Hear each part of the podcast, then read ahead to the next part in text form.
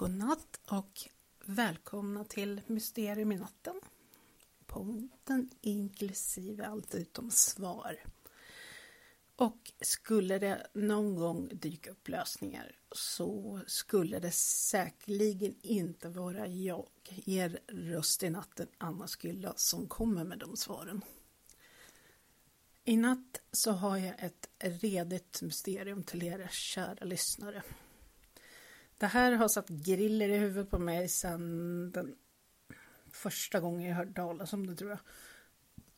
Det är oundvikligt att dra paralleller till berättelsen om det kända Dyatlovpasset. Men det är icke det jag ska prata om idag. Det är väl snarare den amerikanska versionen av det. Så vi sticker västerut över Atlanten för att kolla vad det handlar om. Natten den 24 februari 1978 deltog en grupp av fem unga män som alla var en del av ett program för eh, funktionsvarierade personer i en basketmatch vid California State University, Chico. De var Jack Madruga, 30, William Sterling, 29, Ted Weyer, 32, Gary Mathias 25 och Jack Hewitt 24. Alla var från Maryvilles-området i Kalifornien.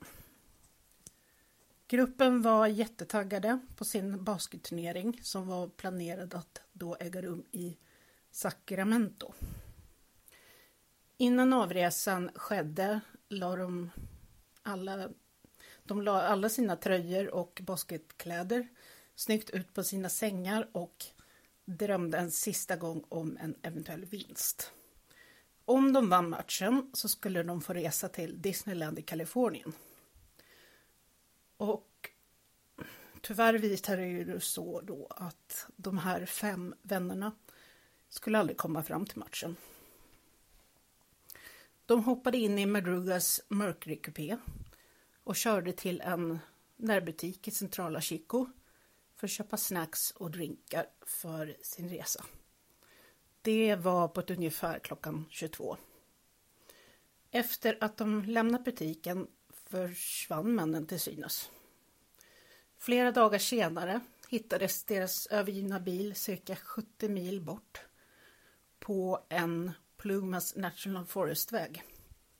Det verkade som om männen utan tvekan eller tvivel hade sänkt av för tidigt från motorvägen på väg hem och körde mer österut än söderut. En undersökning av bilden, bilen snarare, inte bilden. en undersökning av bilen visade eh, inga som helst tecken på att ett brott hade begåtts och att den faktiskt var i fullt funktionsdugligt skick och det utesluter till exempel att bilen skulle ha fått motorstopp. Sheriffen i Butte County sa att bilen var full av godispapper, baskettabeller, mjölkkartonger och andra småsaker som tydde på att de här killarna hade haft en rätt kul resa. Höjden på platsen där bilen hittades var knappt 1,5 kilometer hög över havet. Och eh, området omringades av mycket djup snö. Så det såg inte direkt jätteoptimistiskt ut. De saknade männen hade bara haft tunna kläder på sig och området var exceptionellt tätt och bergigt och allmänt oländligt. Undersheriffen i Juba sa en del platser på jorden kan du på sin höjd ta dig fram med, med hjälp av hästrygg till exempel. Detta är en sån plats. Medan männen hade sina funktionsvariationer så kunde alla fungera ganska bra. Men deras familjer sa att deras beteende tenderade att försämras om de placeras i en mycket stressad situation. Ändå var det helt okaraktäristiskt för dem att bara stanna upp och försvinna iväg på egen hand. Särskilt med tanke på att alla var så jätteglada över sin kommande basketmatch. Ted skulle inte ha missat det spelet för någonting i världen, sa hans mamma. Enligt deras familjer skulle det definitivt inte har kört iväg upp på en eh, isolerad, okänd väg mitt i natten i mörkret och bara övergett sin bil utan anledning. Jag är ganska säker på att han skulle ha kommit hem direkt från spelet, sa Madrugas mor. Det finns inget sätt att han... Det, liksom, det finns ingen möjlighet eller sätt att han frivilligt skulle gått in i bergen i skogen mitt i natten. Flera av männen var särskilt rädda för mörkret. Och två, Sterling och Weir, avskydde det kalla vädret och allt som hade med naturen att göra. Trots att bilen var tämligen välbehållen så misstänktes brott mycket tidigt i utredningen. De kunde till exempel ha stannat för att hjälpa någon och de här människorna då som de kanske hjälpte utnyttjade dem, föreslog sheriff Jim Grant.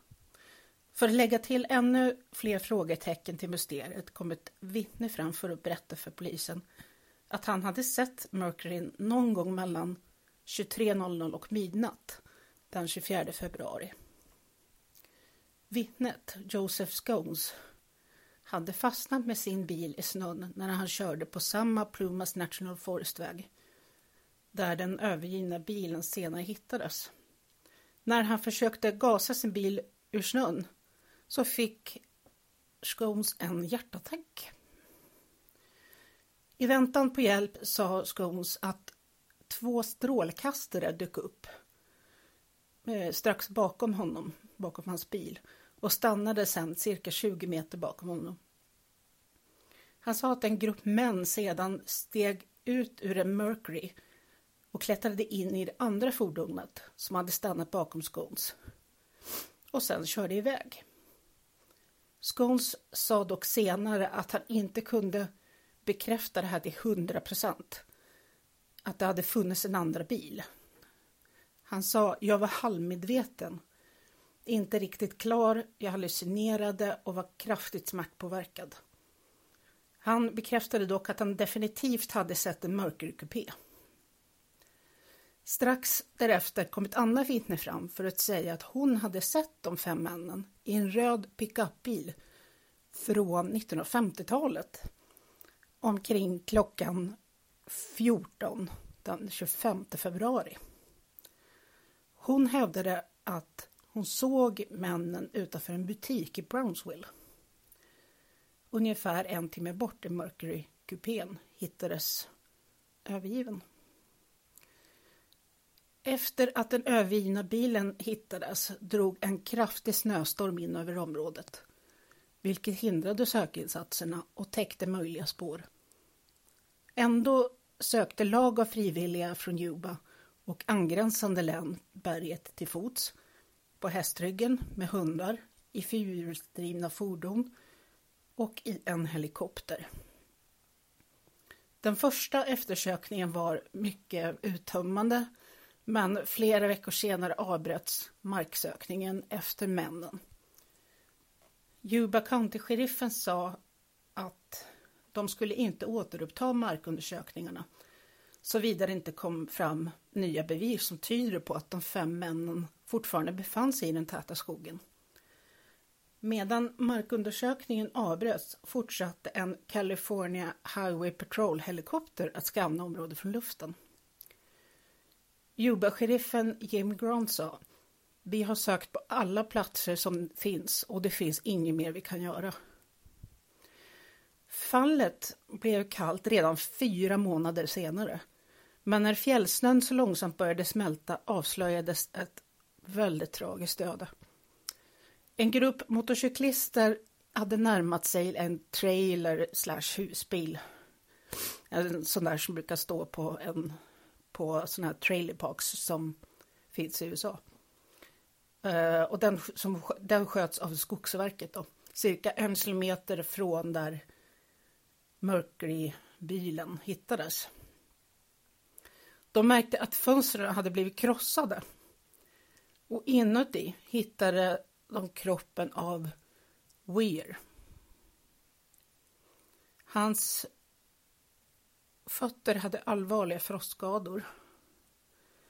De hittade också enorma mängder mat, kläder, böcker, tändstickor, bränsle, som allt var orört. Det fanns tillräckligt med mat för att mata de fem männen i över ett år. Slutsatsen som kom efter undersökningen av kroppen och eh, platsen, det var att Weir hade varit vid liv i upp till två månader i trailern innan han dött av svält och hypotermi. Strax därefter upptäcktes kropparna av Madruga och Sterling cirka fyra kilometer från den övergivna Mercury-bilen. Båda dog av hypotermi. Utredare, utredarna gissade att en eller båda antagligen kan ha fallit i föga för hypotermins sista steg som visar sig genom en överväldigande lust att sova. Och den andra vägrade att lämna den andra sidan. Strax efteråt hittade Hewitts far, som deltagit i sökningen, sin sons rester tre kilometer från trailern. Utredare tror att Hewitt hade varit i trailern med Weir när han dog. Och efter, efter det hade han blivit så förvirrad och rädd att han flydde från trailern för att komma bort från kroppen. Trots en grundlig undersökning så hittades aldrig Matthias kropp. Upptäckten av kropparna ledde till ännu fler frågor. Varför skulle de gå mer än ett dussin kilometer uppåt genom djup snö istället för att gå neråt eller vara kvar i sin bil? Och ännu mer tragiskt, varför skulle åtminstone en av dem, Weyer, leva i mer än två månader i en skogstrailer men ändå ignorera maten, kläderna, bränslet runt honom innan han slutligen avlider. Deras familjer håller fast vid en tro på att någon eller något tvingade männen upp på den fjällvägen och mot deras död. Vad som hände med den femte medlemmen i deras gäng, Gary Mathias, kanske aldrig kommer att bli känt. Det har florerat många teorier och anklagelser genom åren. Men den kanske mest diskuterade och i mina ögon mest sannolika är att Mattias hade något med det här att göra. Även om nu även denna teori har sina hål. Mattias var smal med mörkt hår och ett litet födelsemärke på höger sida om hakan och dubbelsyn när han inte hade sina glasögon. De andras intellektuella funktionsvariationer blev tydliga under deras yngre år. Sterling tillbringade större delen av sin barndom på Napa State Hospital, då kallad Napa Insane Asylum, enligt ärendematerial hos Yuba County Sheriff's Office. Men Matthias placerades först på en psykiatrisk avdelning när han gick i gymnasiet efter att han hade fått en dålig tripp med en hallucinogen drog, troligtvis LSD, berättade hans föräldrar för utredarna. Han använde konsekvent droger under hela sin tid i den amerikanska armén i början av 1970-talet som inkluderade en medalj, ett avhållarrest inom parentes då, vilket betyder att han dragit iväg utan tillåtelse från militären. Och sen till slut en medicinsk ansvarsfrihet för att han hade blivit diagnostiserad med paranoid schizofreni enligt sheriffens handlingar. Medan han var i sheriffens vårdnad efter hans AWOL-arrestering i februari 1973 kallade Matthias två poliser och en ställföreträdande till sin cell, enligt dokumentationen. När de öppnade hans cell flög han spritt språngande naken på dem och skallade en av poliserna i ansiktet så blodet fullkomligt sprutade på både golv och väggar och från polis till polis. Och Matthias försökte också träffa den andra polisen men han, han blev övermannad. Jag har varit i armén och jag gillar det inte. Och jag tänkte att om jag slog en polis kanske de skulle släppa ut mig, sa hon till utredarna vid den tiden. Den medicinska ansvarsfriheten kom efter denna incident då de insåg hur sjuk han var. Senare samma månad tittade de till Mattias, på, tittade Mattias på tv i sin kusins hus runt klockan 8.30 medan kusinens 17-åriga fru sov eftersom han var hon, han var lite groggy eftersom han hade någon medicin eh, som han tillfälligt åt för att hantera sin pågående sjukdom. Efter ett tag såg kusinen som hade gått iväg för ett toabesök att Mattias inte satt kvar vid tvn.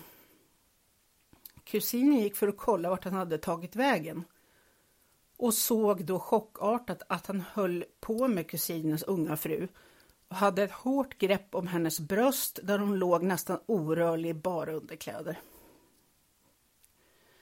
Kusinen frågade Mattias vad hela friden han höll på med och han sa att han bara ville kyssa flickan. Kusinen ringde såklart omedelbart till 911 och då sa Messias bara Bra, jag vill ändå tillbaka till fängelset. Exakt vilket straff han fick vet jag inte och det verkar inte någon annan veta heller.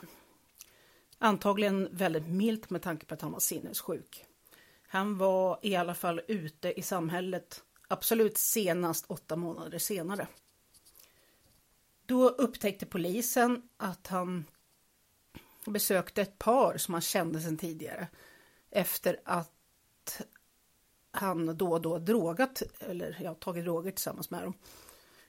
De berättade för polisen att Mattias agerade obehagligt och han pratade om hur han ville knivhugga kvinnan i käken. Sen sa Mattias till eh, deras eh, parets treåriga dotter. Jag trodde att jag skulle kunna döda dig en gång. Antar att jag snart måste göra slag i saken. Paret fick då nog och knuffade ut honom ur huset. Då sprang han runt och dunkade på alla fönster och dörrar och vrålade och hotade med en massa fruktansvärda saker ända tills polisen kom. Domstolsprotokollet indikerar inte att han avtjänat någon fängelsetid i samband med den där händelsen. Var och varannan vecka hamnade han i klämmeri med rättvisan.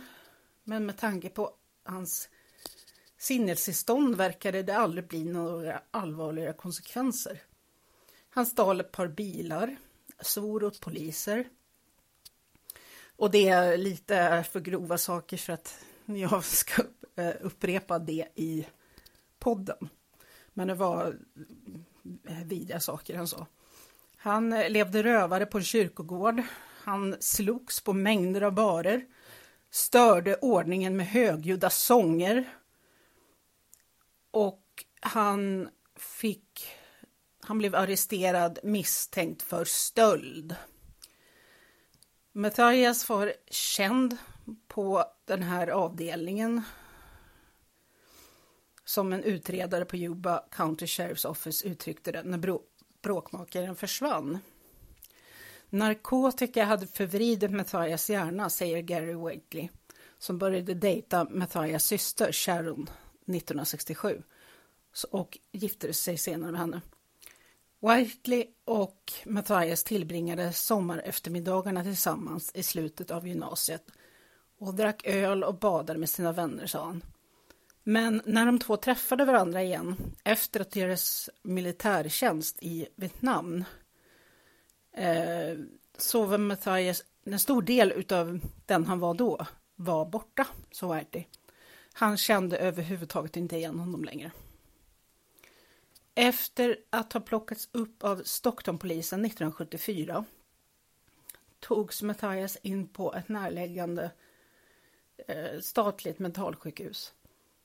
Han tillbringade två dagar där innan han kröp ut genom ett avloppsrör och vandrade tillbaka till Marysville, fortfarande bärande sin sjukhuspyjamas. Det var en vågad men bekant flykt. Matthias hade tidigare smugit sig ut från Letterman Army Hospitals psykiatriska avdelning i San Francisco och senare hade han kutat bort från en annan mentalinrättning 1975. 1975 då så provade han lyckan med Yuba College. Men det funkade inte och Matthias lämnade plötsligt skolan och flyttade till Oregon för att bo hos sin mormor. Hans mor och styvfar Ida och Robert Clough nådde äntligen honom på telefonen först flera veckor senare och bad honom att komma tillbaka till Yuba County. Han slängde luren i örat på dem. Hans familj hörde inte från Matthias förrän han sen dök upp på tröskeln fem veckor senare. Trasig och smutsig. Han hade promenerat från Portland till Marysville, berättade han för dem. Han hade stulit mjölk från folks verandor och han åt hundmat för att få hålla sig vid liv på sin 87 mils långa vandring. Samma, senare samma år vaknade ett par i Yuba County av att Matthias stod i deras sovrum. Han hade krupit in genom fönstret och låst upp deras ytterdörr och letade nu efter en ring för att åter, kunna återvända till Satan, berättade paret för polisen. När paret frågade varför han skulle återvända dit så sa Matthias att de var i hans hus och han var där för att hämta de hyror de låg efter med. Ja, eh, som ni märker så är det hela mm, väldigt sjukt. Det finns, i, det finns ingen logik eller sam, mm, det finns inget rimligt i det han säger. Matthias blev tillfälligt lite bättre efter det faktiskt. Han började konsekvent ta sin schizofrenimedicin och kunde faktiskt behålla ett jobb på sin eh, styvfaders trädgårdsverksamhet. Berättade Robert Clough till Washington Post 1978. Han hade ingen anmärkningsvärd kontakt med polisen under de två kommande åren som ledde fram till hans försvinnande. Och Klopp sa att han hade varit relativt normal under de där åren. Han gick med i Gateway Projects och började umgås med Sterling, Weyer, Madruga och Hewitt några månader innan pojkarna sen försvann enligt polisen. Men även under den mjuka personen han hade blivit av det antipsykotiska läkemedlet som Cogentin, Stellacin och Prolixin sa Gateways Gators baskettränare Robert Penrock till utredare att han fortfarande kände att Matthias eventuellt skulle kunna förändras när som helst. Gateway har varit stängt i decennier nu och eh, ledarna från den tiden de är döda. Vilket lämnar frågan om hur och varför Matthias engagerade sig från första början obesvarad. Jack Bisham, före detta sheriffen i Yuba County, sa att han inte vet hur Matthias kom in i programmet. Efter en intervju 1978 med Matthias, sedan länge bekanta Janet and Sarah, gjord av polisen James Black, så skrev han att Matthias upprepade gånger hade berättat för en Serra om en dröm där han och flera andra människor skulle försvinna. En Serra kallade Matthias en mycket våldsam person som genom livet allvarligt skadat många män och dessutom sagt också, att han också hatar kvinnor. De andra pojkarnas föräldrar var inte helt bekväma med Mattias heller. även om de inte tycktes veta, veta om hans kriminella bakgrund. Han var en stark personlighet och den enda bland dem som skulle slå tillbaka och ta kontroll över situationen om de skulle hotas, enligt utredarna. Av de fem saknade pojkarna skulle han vara den mest troliga att leda gruppen och föreslå platser eller saker att titta på. Gary Besham berättade jag vet att föräldrar då berättade för oss, eller de berättade för mig personligen, att de hade, de hade en djup oro över att Mattias var inblandad i detta. De var helt uppriktiga i sin åsikt när de berättade det för mig.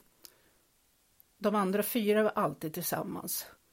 Det gick många, de gick till många platser tillsammans. De var alltid tillsammans. Men Mattias, han var en annan sorts personlighetstyp. Han smälte helt enkelt inte riktigt in i den här gruppen på fyra, enligt föräldrarna. De andra killarna älskade honom dock.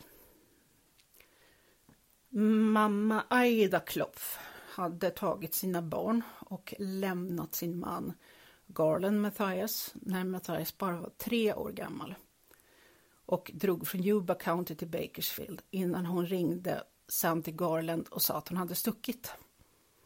Garland kom sällan upp i barndom, barndomsvännen Whitleys konversationer med Sharon. Hon som nu var hans exfru och Matthias syster. En dag 1987 dök plötsligt Sharons far upp, sa Whiteley. Han åt middag med Sharon och hennes två barn, då cirka 10 och 11 år gamla. Och sen lämnade han dem utan att något anmärkningsvärt varken hade blivit sagt eller gjort. Några dagar senare begick Garland Mathias självmord. Och 2002 så sköt Sharon Maxwell Mathias sig själv i huvudet och dog omedelbart. Exakt hur pappa Garland tog livet av sig vet jag däremot inte. Whiteley sa att jag tror att den psykiska sjukdomen som Matthias och Sharon hade, hade de ärvt efter sin pappa. Så länge Matthias var medicinerad var han en bra kille. Men när han mådde bättre hade han en tendens att vilja sluta med sin medicin. Samma sak med min exfru. Sharon, så länge hon var medicinerad så fungerade hon. Kanske var Gary Matthias ett offer för oförklarliga, tragiska omständigheter djupt i skogen, precis som de andra fyra pojkarna. Kanske valde han att inte ta medicinen som hade biverkningar såsom dåsighet, slöhet och yrsel på grund av sitt spel Special Olympics basketspel nästa dag. Och då oavsiktligt tog med sina vänner på ett schizofrenfyllt äventyr som ledde till deras otroligt sorgliga öde. Kanske lever han än idag. Han var en kämpe. Så mycket är klart. Han var villig att göra vad som än krävdes för att överleva. Att gå dussintals mil i snön i tunna kläder skulle ha varit helt otroligt.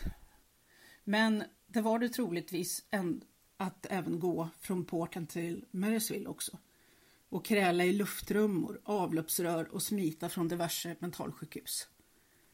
Cirka tre veckor efter att pojkarna försvann berättade en medborgare, Debbie Lynn Rees, att det hade ringt hos henne och hon svarade Hej, sa hon.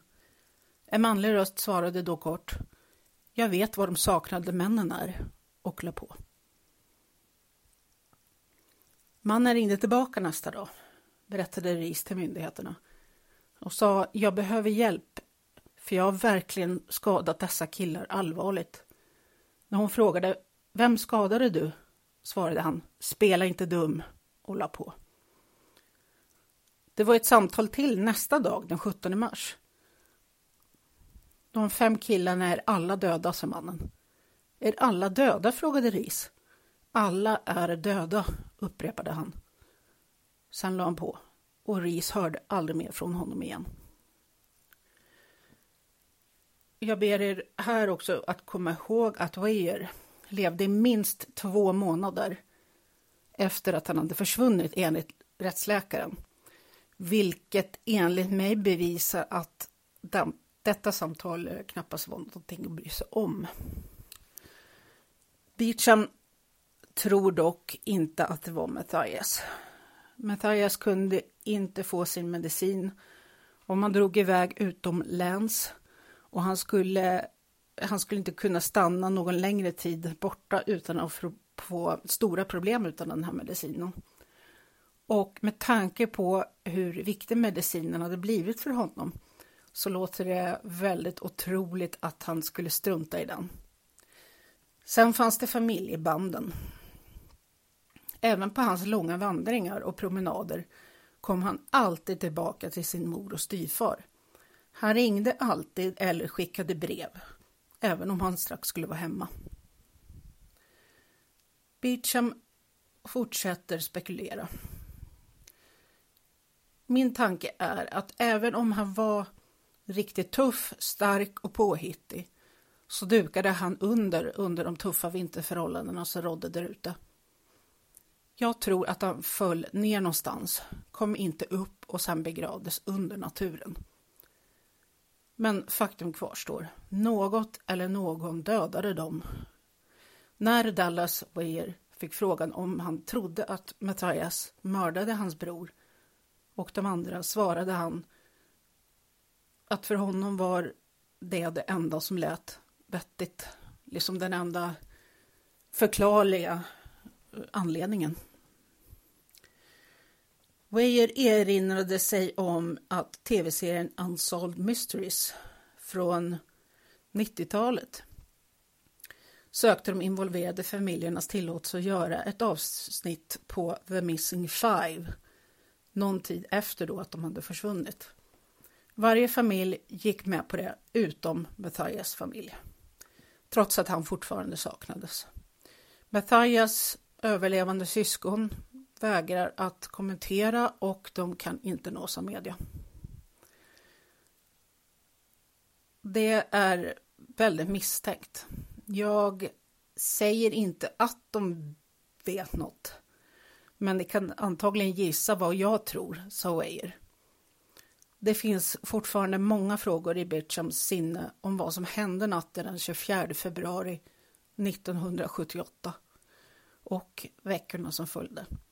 Men han är övertygad om att oavsett vad det var som gjorde att pojkarna gick upp i skogen och slukades så var det inte av fri vilja. De tvingades antingen eller lurades, sa Beecham. Och var kommer Matthias in i det? Kanske hade han ingenting med det att göra. Vi vet aldrig. Men jag tror att han hade det. Det som känns absolut obehagligast med det här mysteriet och andra liknande som ni förmodligen kommer att få bekanta er med mer i den här podden. Det är att vad som helst kan hända när som helst. Det spelar ingen roll var du är, vem du är, hur mycket mat, värme, vätska och skydd du har. Du kan snart vara den som inte kommer hem. Och med de orden så hoppas jag att ni alla tar hand om varandra i höstmörkret. Åtminstone tills nästa vecka igen då jag dyker upp i en ljudanläggning nära er för att hålla er sällskap ännu en stund. Sov så gott på er. Puss puss!